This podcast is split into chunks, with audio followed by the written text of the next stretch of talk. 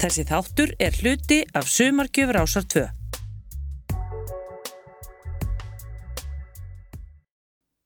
Velkomin í Ræflar okkur Reykjavík, besta punk þátt á Íslandi.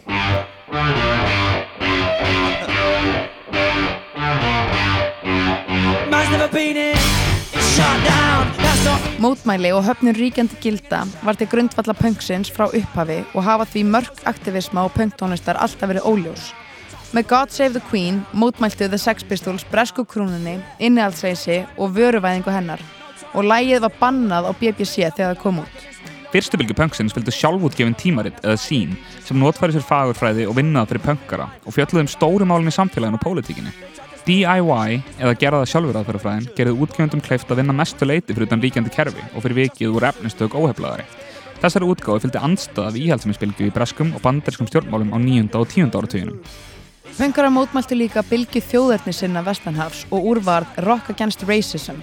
Í dag er hardcore punk nátengt anti-fa eða anti-fasist reyfingunni en meðlumir hennar berja nínasista í sjónvarsviðtölum. Þegar bandaríska þingið lögfæsti ekki frumvarp um jafnrættu kynjana, Equal Rights Amendment á 1982, var allir reyfing feminista sem gáði út punkuð sín.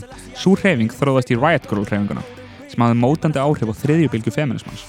Við fjöldum meira um reyfinguna í næsta þætti, sem fjallar einmitt um konur og punk. Punkarar mótmæltu niðurskurði atvinnuleysis og öroskubóta í Kaliforníu á tíunda áratögnum og heldu styrtartónleika. Einni var punki innblástur stórra mótmæla í People's Park. Straight Edge reyfingin var til í hardcore punksinunni og sótti namn sitt í samnefnt lag eftir Minor Threat. Straight Edge fólk neytir ekki áfengis, fíknefna, tóbaks, koffins eða dýraafurða. Þessi reyfing var til sem mótsvar við gengdalusri neyslunan punksinunnar og vestræðan samfélags almennt á nýjöndarátveginum. Þessi reyfing og jafn mikið erindi í dag ef ekki meira þegar mengandi stóriðja, eiturlöfi og kjötiðnaður eru jæðri þess að kveikja í jörðinu og drepa okkur öll. Útgáðafélagið Outpunk og Queercore hljómsveitinnar Tribe 8, Pansy Division og Limp Wrist mótmæltu viðbröðum bandarískra yfirvalda við AIDS-faraldrinum og þeirri útskúfun og þeim fordómum sem samkynniðir mættu í kjölfarhans. Afropunkar eru búin National Wake mótmæltu ofinbærum fjárfestingum í aðskilnaðaríkinu Suður Afríku og hvöttu til sniðgöngu þess. Eins og skipilegendur Zero Vision hérna í Reykjavík heldur tónleika til þess að hvetja til sniðgöngu Eurovision í aðskilnaðaríkinu Ísrael. Punki hafa sem sagt alla tíð fyllt mótmæli. Punkarar mótmæla ríkjandi skipulagi vegna þess að ríkjandi skipulagi hefur alla tíð kúað einhvern. Punkið getur gefið valdlausum einstaklingum rött og vettvang til þess að Punkarar í Reykjavík samtímans standa upp í flúvél og neyta að setjast niður til þess að fólk á flótta sé ekki sendt út í opinn döðan. Punkarar opna sjálfskeipulegu rými til þess að fólk geti hist án þess að þurfa að borga fyrir það. Punkarar samtímans eru börn sem mótmæla hamfara hlínun, börn sem krefjast aðgerða, börn sem mótmæla gengdarlausir græðki og skamsíni. Í kvöldu ætlum við að fjalla um þessa punkara. Þessi þáttur heitir og samstafa og þegar þetta handrið er skrifað er verið að vísa börnum á flotta úr landi og senda þau í búr í Greiklandi eða út í opinn dauðan.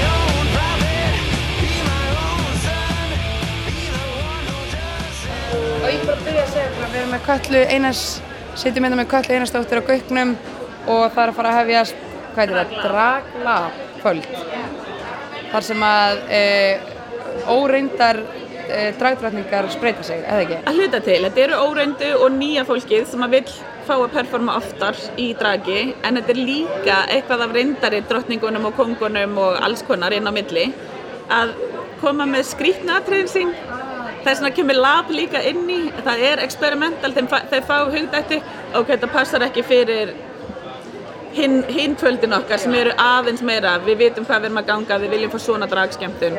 Þannig að hér megum þau pröfa hvað sem er og það eru engar hömlir Og við erum að tala um jaðarinn, þannig að þetta er alveg svona á jaðrinum, á jaðrinum. Þannig séð, já.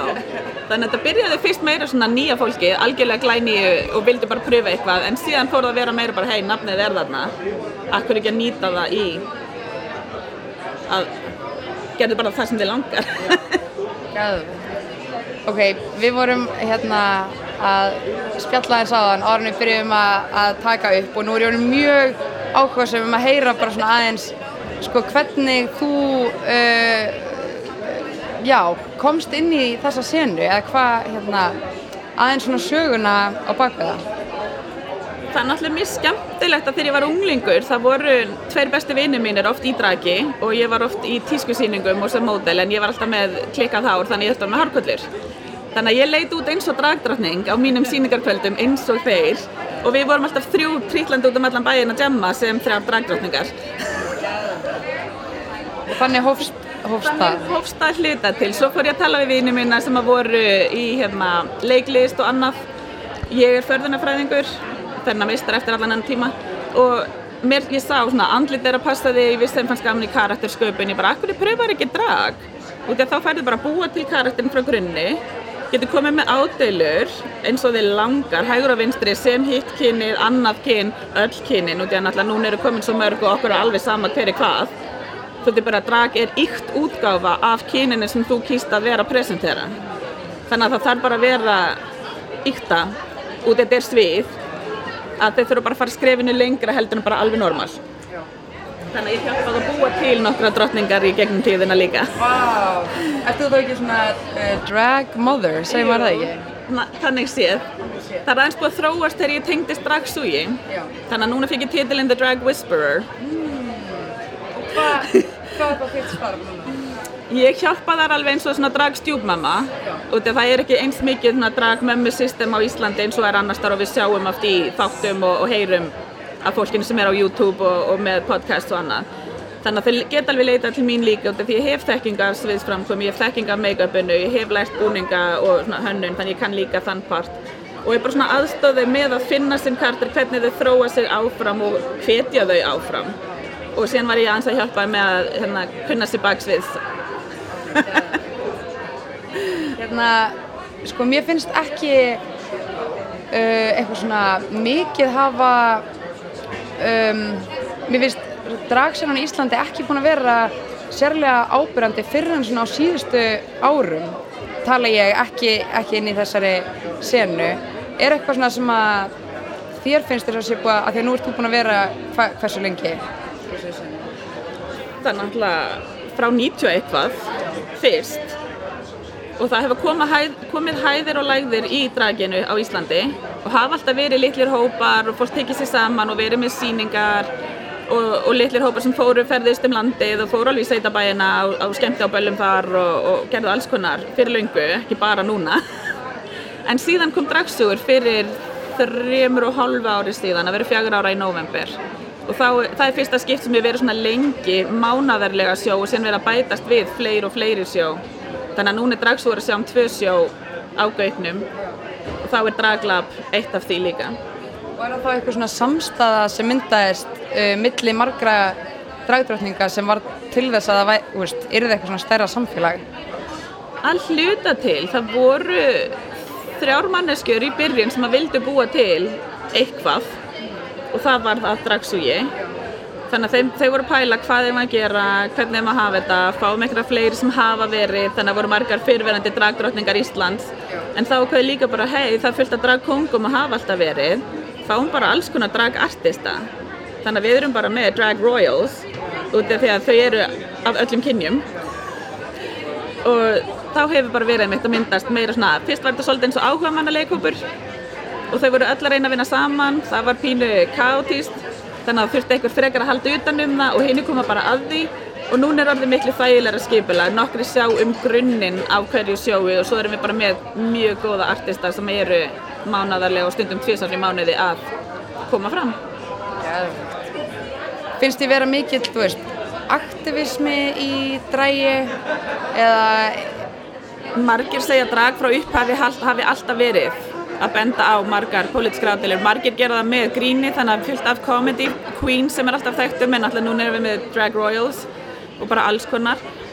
Sumir eru mjög alvarlegir og aðrir eru að nota grínið út í að fólk tekur oft betur í ádeilur eða alvarlega hluti þegar það er gert með léttar í nótum og gríni og líka einmitt eins og er frækt núna en samt bjóð til erjur innan drag heims, heimsins þegar RuPaul var að segja það eru bara kallar sem geta verið eins og konur sem að geta þá gert, gert ádeilunar maður bara, nei, ekki alveg.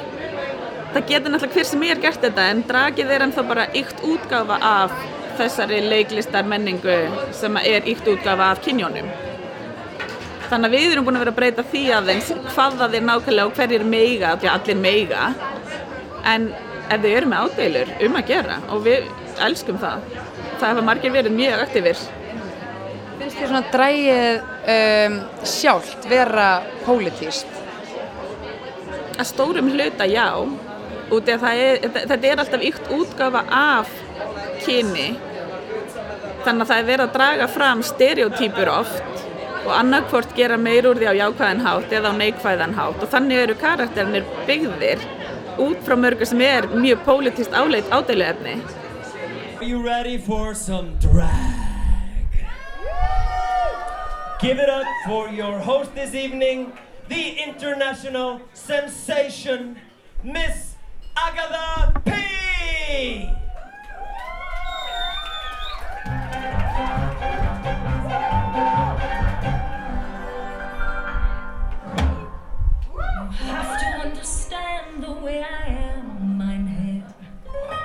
tiger is a tiger, not a lamb,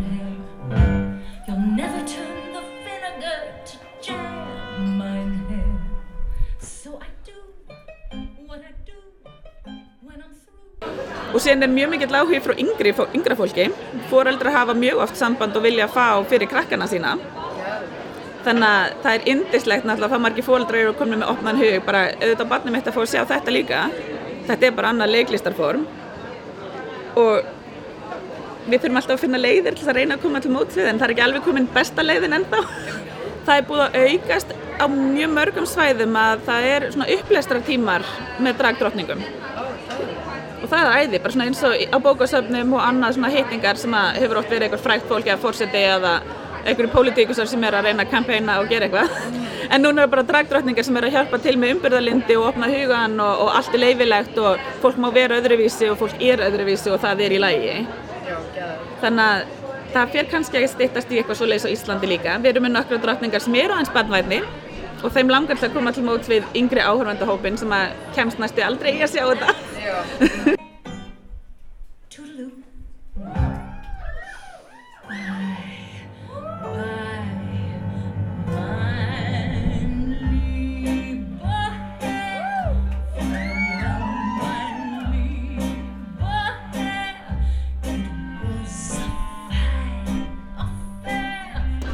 á flestöllum sjóum eru oft einhverjir sem hafa aldrei komið á dragsjó áður. Það er alltaf gaman að geta kynnt þeim me- meira fyrir. Sum skiptin hafa verið alveg hátt í 50% útlendingar þannig að þau eru bara að leita að local drag og vilja bara finna einhverja sem eru á staðnum og eru stundum okkur var enginn að gera neitt á íslensku? Og þeim langar bara að sjá íslensku lögin framtönd í dragum og bara það væri ekki draslega spennandi en þeim langar að sjá það. En síðan eru allt af útlendingar sem komið hinga eru svo hissa að sjá að við erum öll að vinna saman. Og við erum alla velkomna bara þú mátt vera hvað sem er. Bara gera það ykt. Að það er nýtt fyrir mörgum. Annars þar í heiminum eru dragkonganir miklu meira skiptir og aðskildir frá dragdrottningunum. En það sem að er á skemmtistöðunum það sem að er bara local drag, það sem er inn á, í þínu þorpi, í þinni borg, í þínum smábæ það er alltaf allt öðruvísi heldur en sjónvarpið það eru, það eru þær sem að komast í sjónarstáttin og fara síðan í heimstúr, þær græða pening og geta lifað á þessu, hinn er ennþá að tapa á því hvert einasta skipti. Wow. Það kostar miklu meira að líta svona cheap út, sko. Já.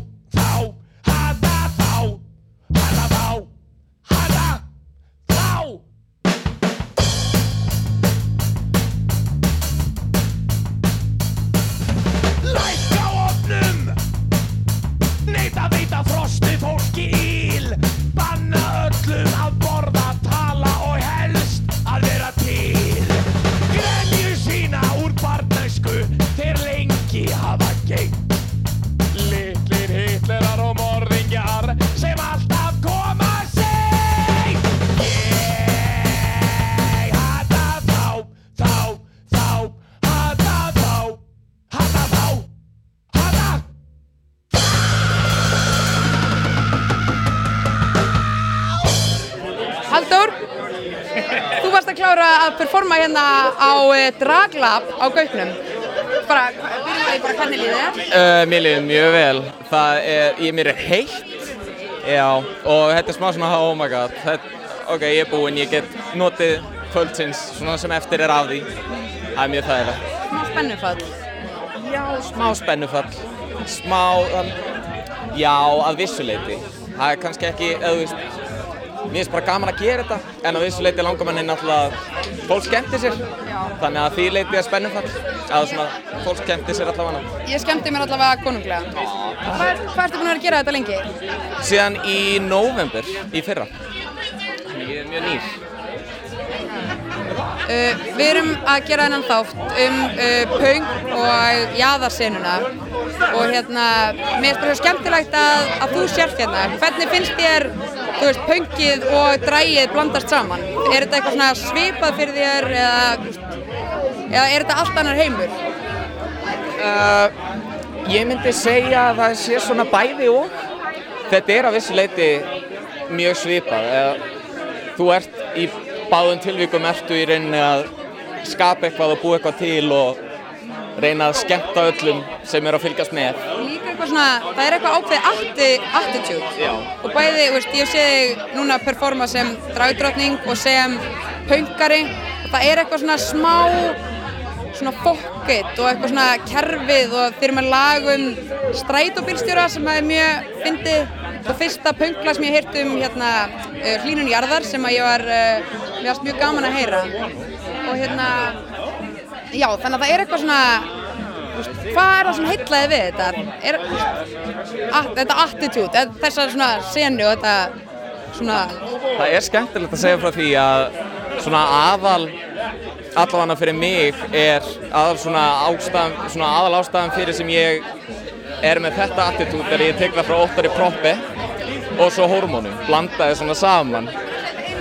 Já. En það er sem sagt svona allavega ég tek innspóið þaðan og endanum hugsuði þetta er punk.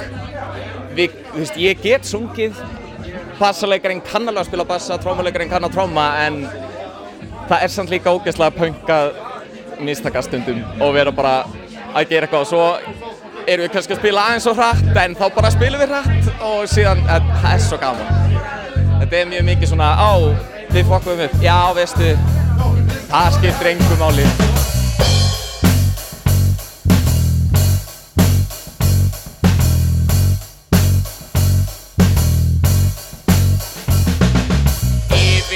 Okkur hanga. Nokkrir heimsendar í senn. Hlínun, mengun, ónæmir síklar Og valda óðir menn. Fellibilir fjölmargir. Sækja á sífælt fleiri lönd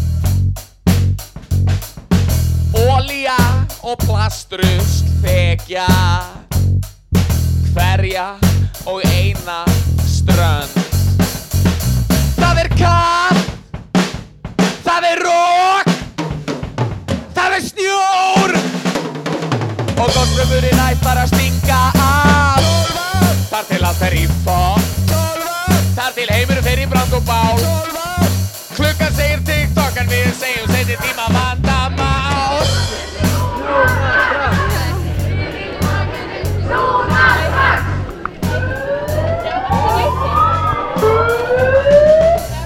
Hvað heitir þú? Ég heiti Derek, Derek, hvað ertu gammal? 22. Hefur þú tekið þátt í þessum loftlagsmótmálum oft aður? Já, svolítið oft, já. Og uh, þú lætur störf þegar þú mætir, mætir hingað? Uh, nei, reyndar ekki því hérna ég er útlendingur þannig að ég get ekki það mikið. Ég vinn ekki á fyrstu dögum þannig að já. Já. Getur þú sagt mér eitthvað svona frá mikilvægð þessar aðgerða? Já, mikilvæg þessara aðgerðar er til þess bara hérna að tryggja að hérna við séum, að, að við verðum til eftir nokkur ár því hérna annars bara deyjum við öll og það væri ekki gott. Þannig að já, mann kynir á að lifa. Ég heiti Ingi Björg Haraldsdóttir. Haraldsdóttir. Uh, Má ég spyrja hvað átt gömur?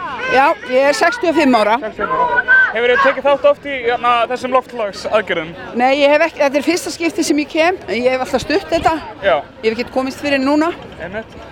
Um, getur þú sagt mér mikilvægi þessara aðgerða fyrir þig?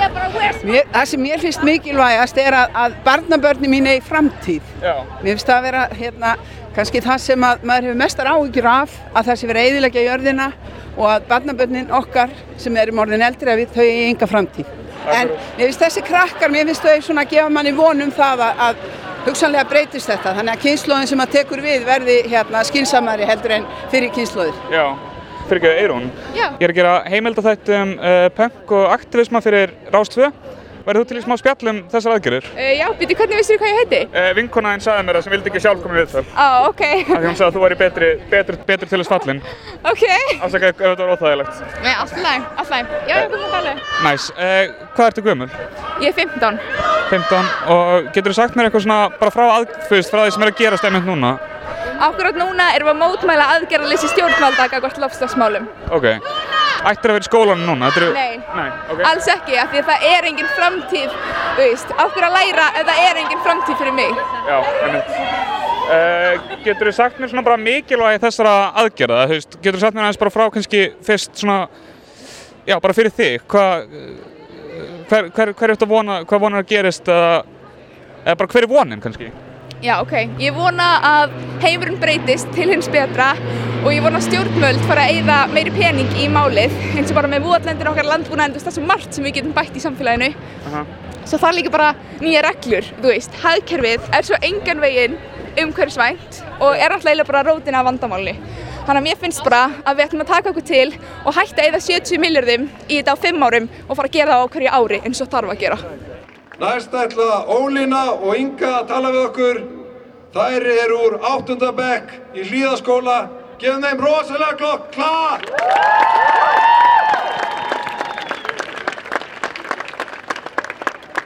Maður er alltaf að heyra fullari fólk hvarta undan því hvað börn eru hátækninni og ekki í tengslu við náttúruna, meðan í flestum tilfellum er það öfugt. Við erum þau sem þurfum að berjast því fyrir framtíð á meðan fullana fólkið horfir á og gerir ekkert. Það er bara ákveð mikið sem ein manneski getur gert, en stjórn landsins okkar getur gert svo miklu meira ef þeir hlusta okkur. Okkur er kent að skjóta eitthvað sé morð, en samt er í lagi að við séum að drepa allar lífverður á jörðinni hægt og rólega. Við vitum ekki betur en þetta er eini staðurinn þar sem líf þrýst í heiminum. Samt erum við tilbúin að drepa það bara til þess að geta átt þægilegt líf núna.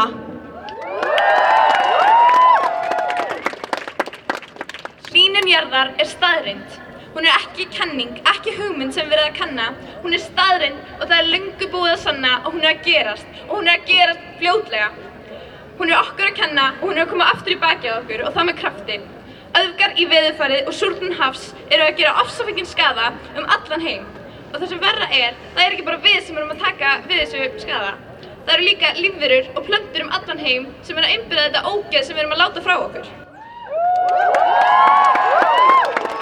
Ástandið er sillilegt, en við getum bætt úr þessu. Við getum ítt á bremsuna ef við reynum.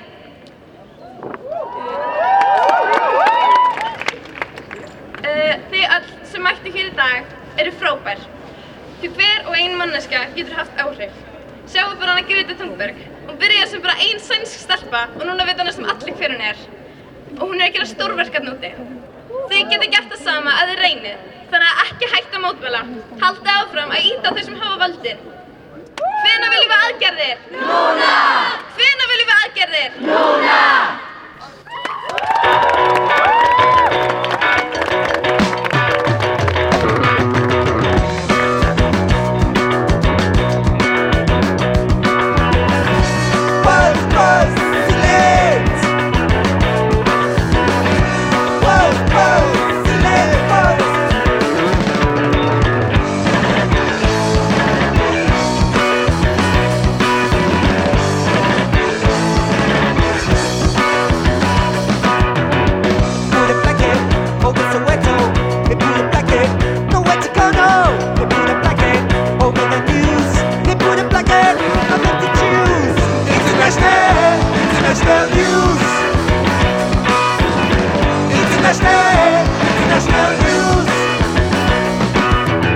I could have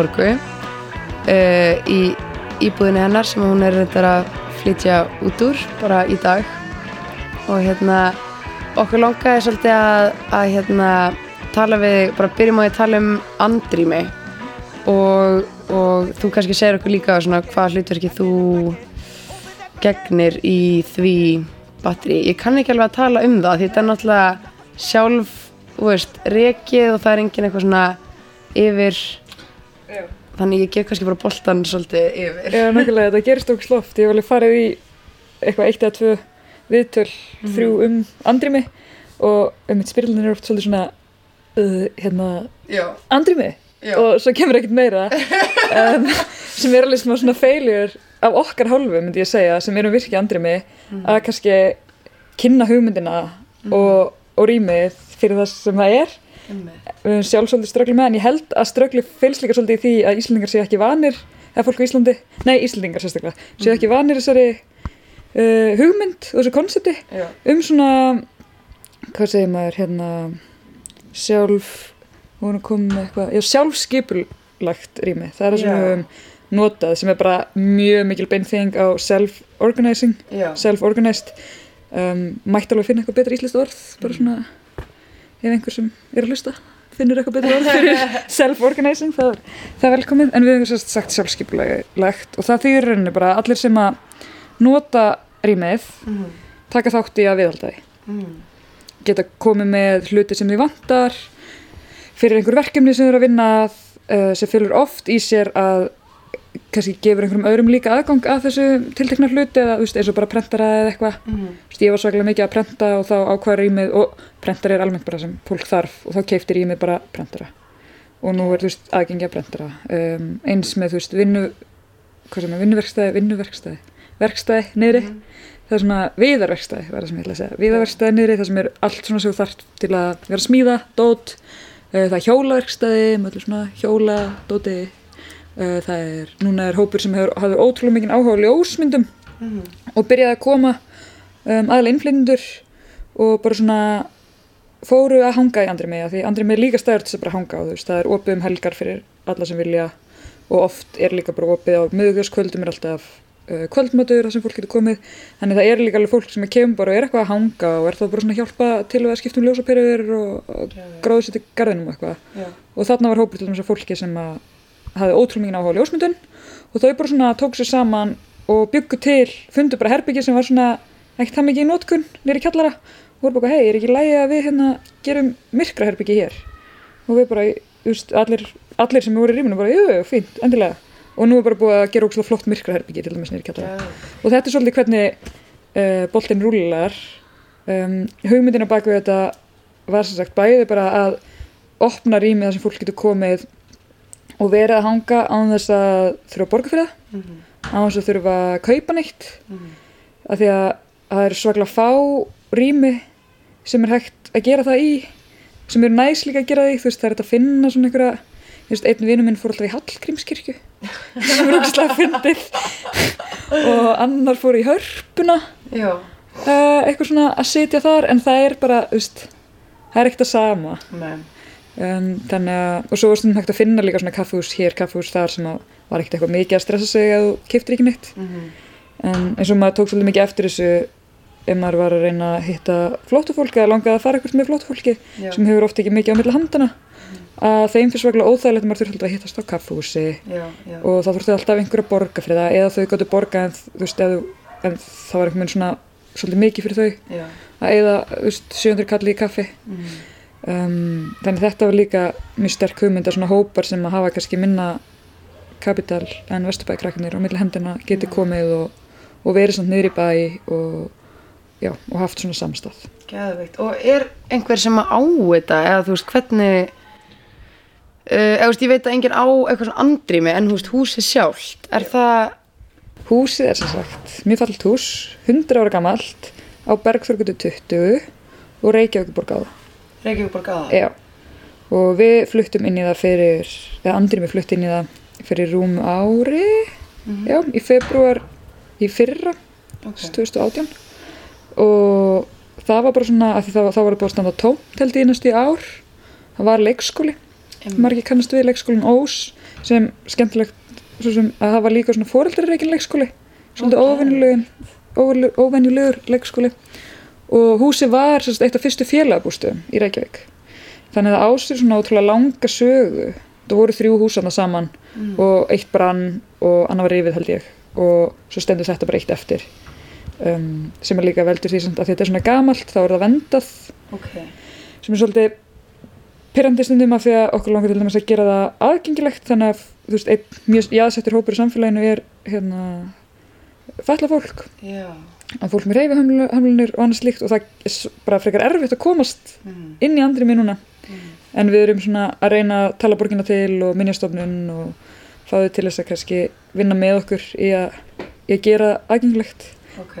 yes. og það er svaklega dýrt að hérna, gera aðgengilegt okkur langar að kaupa lift og okkur langar að gera ramp og okkur langar að gera eitt klósit aðgengilegt þannig að við höfum verið að, svona, að reyna að hvetja fólk sem að fílar hugmyndina Já. og rýmið að kannski gera svona mánægilegir styrstaræðlar sem að gera í UNICEF eða eitthvað. Um, þetta er svona, þetta er flókið að því svo kemur líka hitt og þetta upp og fáir styrkir sem til dæmis uh, kofra leigu. Já. og þannig að þetta er bara svona alls Hvernig konar. borgið leguna? það er bara með mánuðlegum framlögum sem er þetta mjög lítið af núna. En svo erum við líka alltaf með bauk bara í andri með og svona þegar er svo kvöldmöndunum og svo leiðist þá er bara eitthvað, hei, munið að þú veist við erum að borga leigun en allir sem að geta að setja kannski 500 kall í baukinn eða eitthvað. Þannig að það er bara svolítið þannig. Um, já. Hvernig byrjaði þetta uh, koncept? Er þetta, þú veist, fólki sem að stendur að þessu, er þetta, þú veist, er það bara vinahópur eða var það partur af einhverju félagi eða hverju er svona, hvernig var upphafið á þessu? Já, sko, ég var ekki þegar þetta byrjaði. Nei. Það voru linnur held ég einhverju sex mánuður eða eitthvað síðan þau byrjuðu, en ég veit samt hvernig þetta byrjaði. Ok. Og það er mjög skemmtilegt að segja frá því að það var á fyrirlestur um anarkismi sem að einhverju einstaklingar, um, ég held í lók fyrirlestur hafi verið spurt, þú veist, hafi einhverju áhuga á að opna svona félagsrými, anarkist félagsrými um, í Reykjavík og fólk var eitthvað svona, ó, kannski ekki anarkist og þau eru mikið allir anarkistar. En svona eitthvað sjálfskeipulagt antikapitalist rými væri sjúklega næs. Og það voru einhverjir átta nýja einstaklingar sem að tóku sér saman og sumir heldu áfram og þetta byrjaði þess að í bara einhverju svona stúdíóíbúð hjá kunningja okkar, eða kunningja þeirra. Og þá voru við bara með eitt kvöld í viku um, með kvöldmatt sem var líka og þannig kannski tengist no bordis þessu svolítið. Að kvöldmatturinn uh, var svolítið hugsaður sem staður þar sem að flótta fólk og fólk með pappira á Íslandi getur komið á hist og elda saman og mynda tengsl af því það er ekkert margir staðir þar sem maður er hægt að hittast og svona jafninga grundvelli og það var alltaf einu sinni í viku í þessu litla stúdíubúð. Og, og við vorum fyrstu mánuðin er árið jável, fór bara í að leita að öðrum stað til að vera. á Okay. af því að okkur langaði svo mikið, allir voru svona í andri með, það er annað sem að kemur að fá sér kvöldmat. Og við vorum svona, já, en það er samt ekki bara hugmyndin, veist, það eru líka fyrirlestrar og það eru líka bókasafn og það er þetta að gera fullt meira, við breynum ekki alveg með húsnæðið.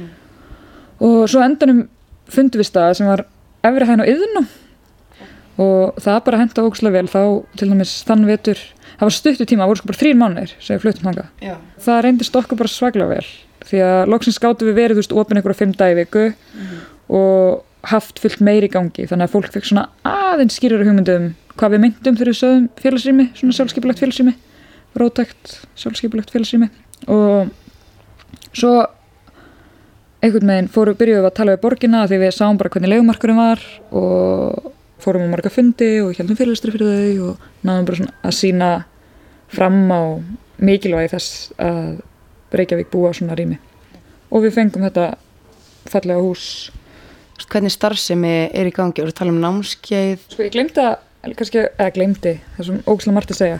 Eitt líka af svona aðal um, tilgangi Al- Andrimis var fyrir svona mismunandi grasrótarhópa, mm. sérst ekki bara fyrir einstaklega aðsetta einstaklinga eða bara einstaklinga sem að fíl ekki að borga hérna, eigundum fyrirtækja pening um, heldur er líka fyrir hópa sem voru að skipulega sig eins og no borders og núna eins og hérna Extinction Rebellion nýja, uh, það var transhópur lengi með svona uh, support hóp, stuðningshópur á ennsku og fullt öðrum, þú veist, Græmmyndsetur Íslandi og Vegan Ísland um, BDSM félagið var líka í svolítinn tíma að skipulegja, en þetta er fyrir svona hópa sem að geta komið og þurfa þá ekki bæði geta að gengja að fundræðstöð alltaf þegar það þarf og þau geta haldið viðbyrði í rými sem að þarf ekki að borga ótrúlega mikið fyrir.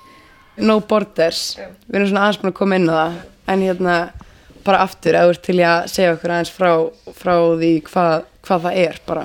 Áherslan liggur náttúrulega á því að starfa með fólki að flóta með við jável til þess að kannski tala ekki bara um flóttu fólk heldur bara starfa með fólki sem að um, þarf að einhverjum ástæðum og vill að einhverjum ástæðum komast yfir þessar ósunnlegu línur sem að landamæri eru. Um, og því er gert erfitt fyrir af einhverjum svona mjög fárlegum ástæðum í rauninni. Um, sem að tengjast, náttúrulega beint tengjast bara uh, ferðarveldinu að miklu leiti sem tengja, tengjast rasisma sem tengjast nýlundustefnu sem að tengjast stríðsrekstri og já þannig að það er svona, kannski hugmyndin og bortið sér að reyna að vinna í anda þess hva, samkvæmt mér, þú veist, ég er ekkert eins og enn og aftur, er ég ekki að tala fyrir hennar aðra. Nei. en að mínu, svona í mínum haus allavega í mínum huga þá er það að svona starfa eins og það væri ekki landamæri eða allavega að reyna að starfa, já, í rauninni. Bara ef það væri ekki landamæri, hvað get ég þá gert? Hvernig, hvað get þessi einstaklingu gert hvernig myndi lífið þessi einstaklings vera og reyna kannski að stuðla að því í einhverju samstarfi við fólki sjálft. Og þú veist, hinga til hefur, hefur reynd að vera bara svona segja fólki bara að þau geti komið og veist, hvað vantar og hvað viljið þið og hvernig viljið þið heisa baróttu Mhm. sem að hafið kannski ekki pappir á Nei, það er alltaf fólki í veikasta stöðunni sem er ekki með rétt vegabrif um, og reynum þá að verða við þeim óskum bara eftir bestu getu eins og nýlega þú veist þannig að um daginn þá var það náttúrulega bara eitthvað já getið útveða rútur þannig að við getum komist frá ásbrú lokuðu flóttamannabúðunum og haldið mótmæli í Reykjavík þannig að við verðum sínileg Mhm. og þá rættuðu bara rútu þú veist, þetta fælst svolítið bara í þetta svo getur líka bara verið bara hæ, hérna, þau neita að panta fyrir mig tannlæknatíma og ég er að drepast úr tannpínu. Get, veist, getur þú gert eitthvað? Getur hjálp mér eitthvað? Um, svona svona hlutir. Bara hitt og þetta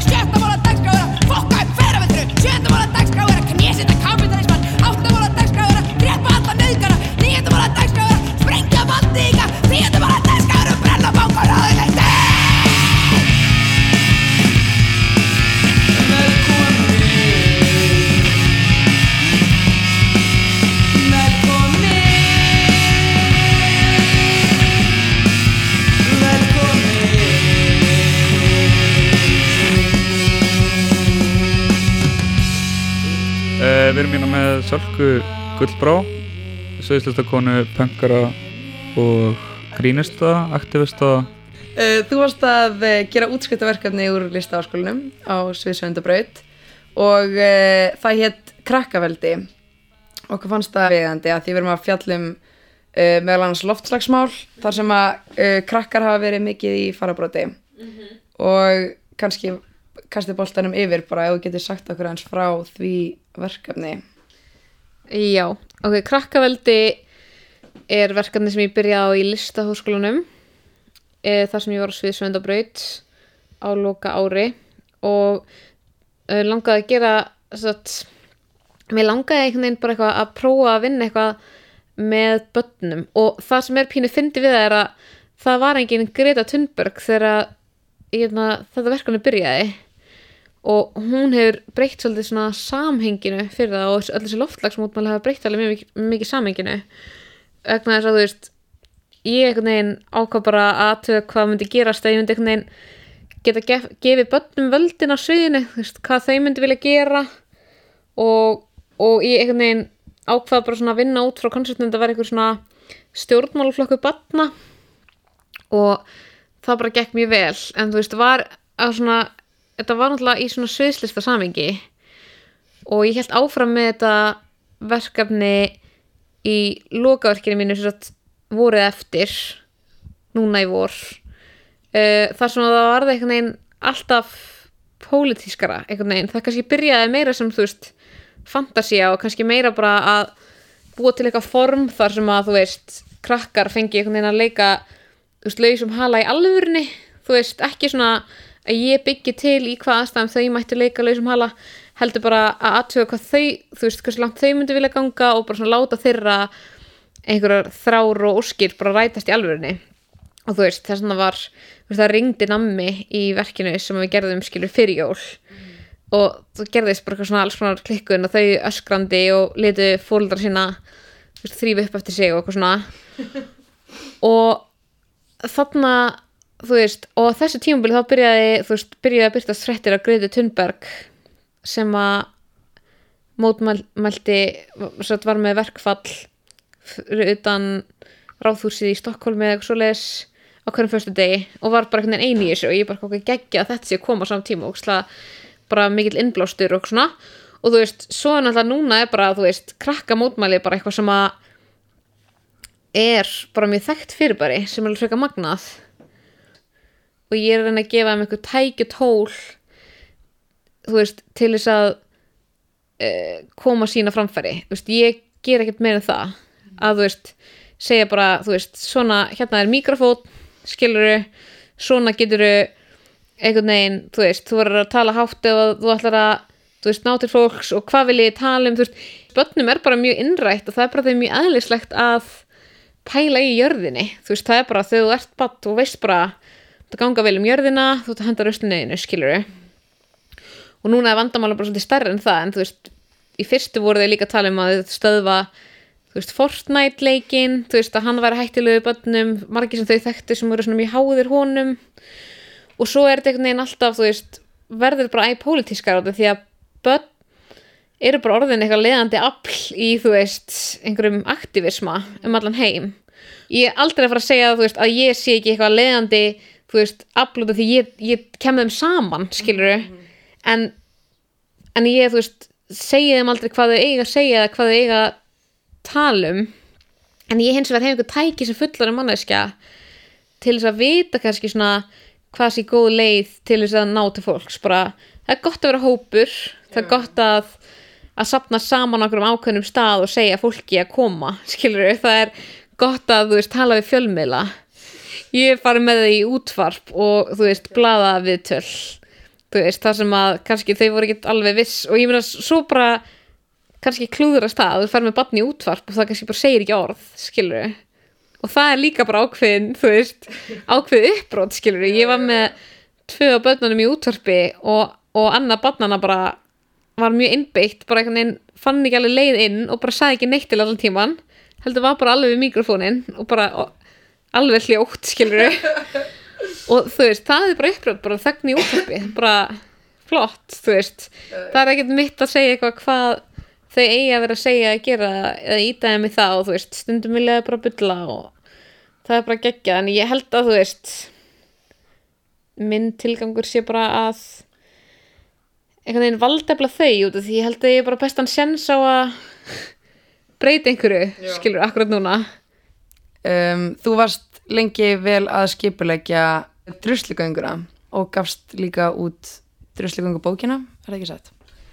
Uh, ég var í hópi þeirra sem að skipulega druslegönguna á árunum eitthvað 2013 til 15-16 uh, og já og var ein þeirra sem reytstýruðu bókinni Ég drusla sem er svona var svona verkefni eitt verkefni á druslegöngunar en þú veist það er aldrei neitt yfir eða einhver, einhver for, formaður eða kona þú veist.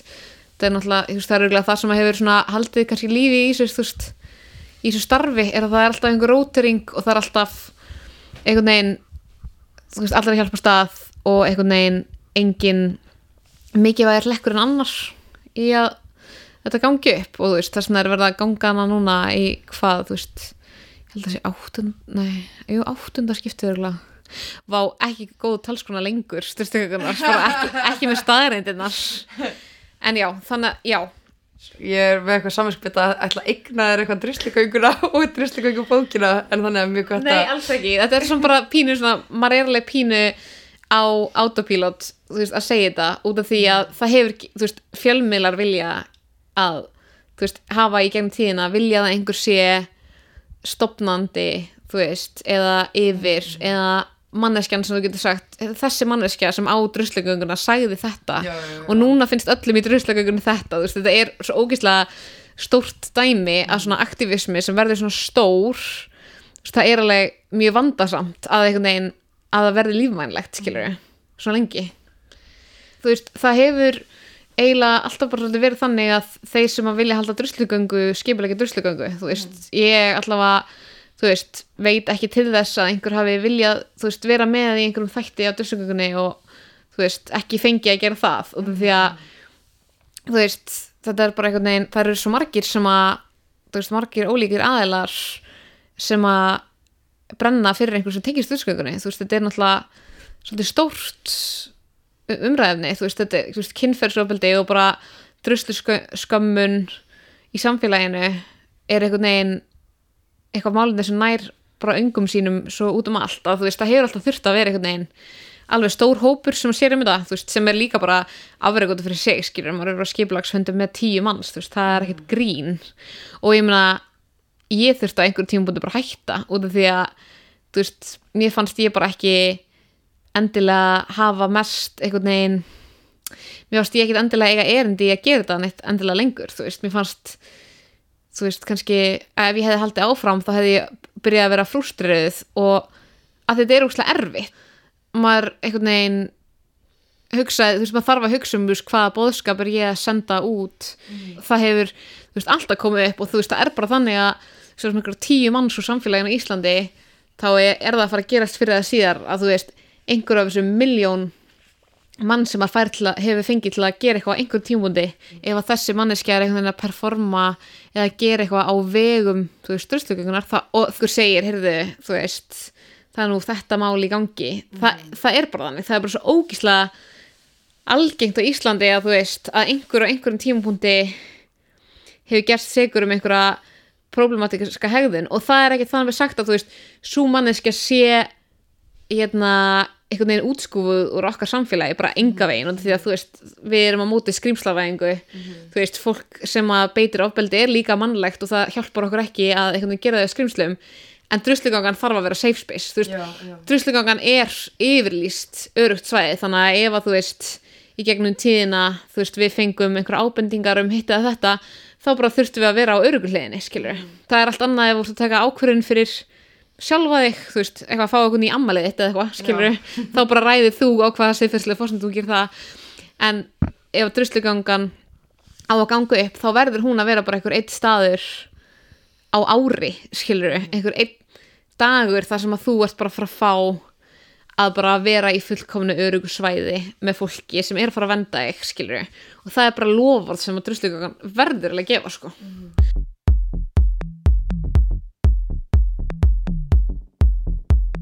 Takk fyrir að hlusta á Ræflar okkur Reykjavík, besta punk þátt á Íslandi. Endilega fylgjið okkur á Facebook og í næstu viku ætlum við að fjalla um konur og punk. B-R-U-S-L-A Það gefur þér ekkert leifi, ert að skilja það Of sæt, of full, of ein, of seint, of til Skilt að hlýða, konur segja sjálfar kontu að þær vilja ríða, annars þarf það býða Skömm, skömm, skömm og ég skammast mín fyrir að djamma Fyrir að fá mér vín, eitthvað annar Sanna á mig vara lit, eftir sleik, far og deit, vera fín Er það banna? Skömm, skömm, skömm Ég er ekki að nenna þessu fjölmenna Huga færi kalla og hvenna, henn að kenna Brjóst eins og Jenna, sást hennan kjól, hún að glenna Bitch, fuck it, skömm, skömm, skömm Hún var svikin því, hún fór í búrku, blöðból eða bikini Hún fyrir vikið, næri það saminsku biti sem Ísland hefur bitið í sig skitið að þið fórritið okkur til að hugsa eins og þið Og smitið okkur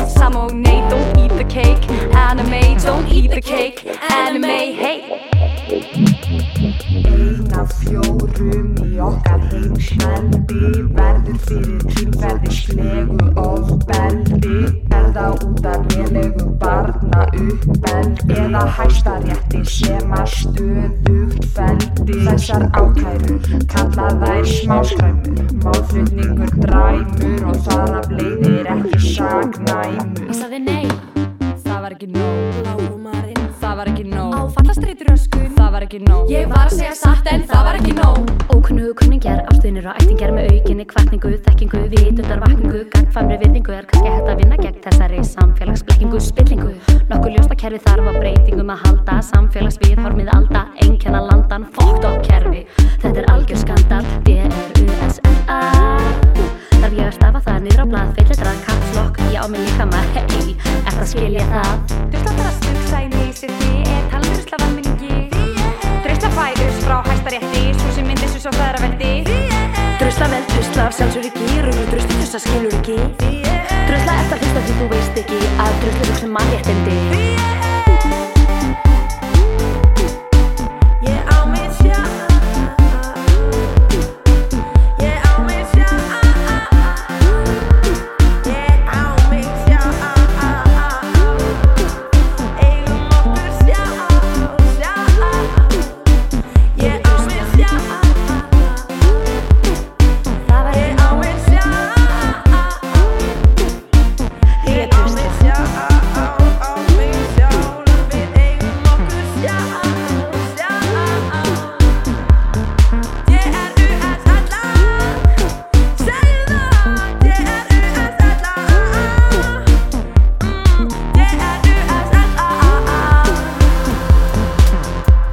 þáttur var hluti af sumargjöfur ásar 2. Þú getur nálgast fleiri þætti úr safnir ásar 2 í spilaranum á rúf.is, í rúf appinu fyrir snjalltæki og öllum helstu hlaðvarpsveitum.